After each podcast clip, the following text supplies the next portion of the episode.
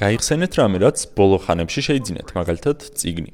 თქვენი შეიძინეთ, იმიტომ რომ ეს ციგნი უფრო გინდოდათ, ვიდრე ის, რაც გქონდათ და მის სანაცვლოდ გადაიხადეთ. მოდი გამოიყენოთ ეს ლურჯის სვეტი იმის გამოსახატად, თუ რამდენს გადაიხდიდით თქვენთვის სასურველი ციგნისთვის. ხოლო ამ წითელი სვეტით გამოსახოთ ის თუ რამდენის გადახდა მოგიწიათ რეალურად ციგნის მისაღებად. ყურადღება მიაქციეთ სვეტებს შორის განსხვავებას. ეს სხვაობა სვეტებს შორის, ანუ თუ რამდენად აფასებთ იმას, რასაც ყიდულობთ და რამდენს გასცემთ რეალურად მის შესაძენად, წარმოადგენს სამომხმარებლო დანაზოგი.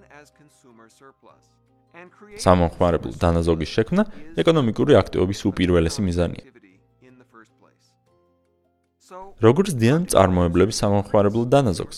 ამის ერთი გზა არის იმის გაუმჯობესება, რასაც ხალხი ყიდულობს, ხოლო მეორე იმის შემცირება, რისი დათმობაც მომხმარებლებს უწევთ.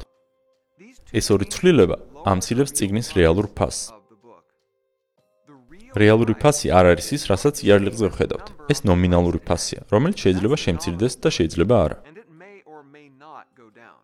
ყოველთვის, როცა იზრდება სხვაობა იმას შორის, თუ რამდენად აფასებენ ადამიანები მას, რასაც ყიდულობენ და რამდენის გაცემა უწევთ მის შესაძენად, რეალური ფასი დაბლა იწევს, ხოლო სამომხმარებლო დანაზოგი იზრდება.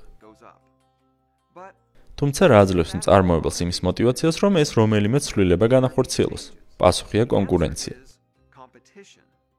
კონკურენცია ნიშნავს, რომ წარმოებლებს არამხოლოდ მოგების მიღების იმედი აქვთ, არამედ აშინებთ დანაკარგის რისკიც. დავიწყოთ წარმოების ხარჯების შემცირებით. საბეჭდმა მანქანებამ კვეთრად შეამცირა ციგნის გამოცემის ხარჯები, რამაც ციგნზე ვაჭრობა უფრო მომგებიანი გახადა. რაც უფრო მეტმა გამომცემელმა დაიწყო საბეჭდი მანქანების გამოყენება, გაიზარდა მათ შორის კონკურენცია, ხოლო ციგნზე ფასებმა იკლო და გაჩნდა სამომხმარებლო დანაზოგი. ეს უკვე გამარჯვებაა. ანუ მოგების იმედის და დანაკარგის რისკის შერწყმა წარმოებლებს აძლევთ იმის мотиваციას, რომ გააკეთონ რაღაც, რისი გვერდითი ეფექტიც სამომხმარებლო დანაზოგის შექმნა იქნება. გვერდითი ეფექტი ეს მათი პერსპექტივიდანაა. საზოგადოების გადმოსახედიდან კი მთავარი მიზანი სამომხმარებლო დანაზოგია, ხოლო გვერდითი ეფექტი ვინმეს მოგება. ამის მეორე გზა, რაღაცები კიდევ უფრო მეტად სასურველი გახდეს. გამომცემლებს შორის კონკურენციამ ისინი აიძულა უფრო და უფრო სასურველი ციგნები დაებეჭდათ და წარმოების ხარჯები შეემცირებინათ. მაგრამ შემდგომ ვიღაცამ ელექტრონული ციგნები და მათი წამკითხველები მოიგონა. ამის შემდეგ ადამიანებს შეძლოთ თქონოდათ ციგნები, რომლებიც არაფერს იწონის და ადგილს არ ეკავებს.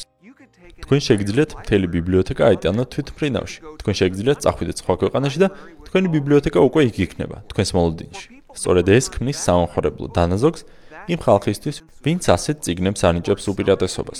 ელექტრონული ციგნების გამყიდველებისთვის ეს ნიშნავს გაყიდვების მაღალ მაჩვენებელს, რაც მეტ მოგებას უდრის. ან მოგების იმედი მწარმოებელს უბიძგებს მისცემ ყიდველს ის, რაც მათ ურჩევნიათ. ხოლო დანაკარგის შიში აიძულებთ აკონტროლონ ხარჯები და შეინარჩუნონ დაბალი ფასი.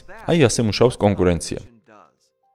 ის ზრდის სამხარებლო დანაზოგს, როცა მწარმოებლებს შეუძლიათ კონდეთ მოგების იმედიც, და დანაკარგის შიშიც.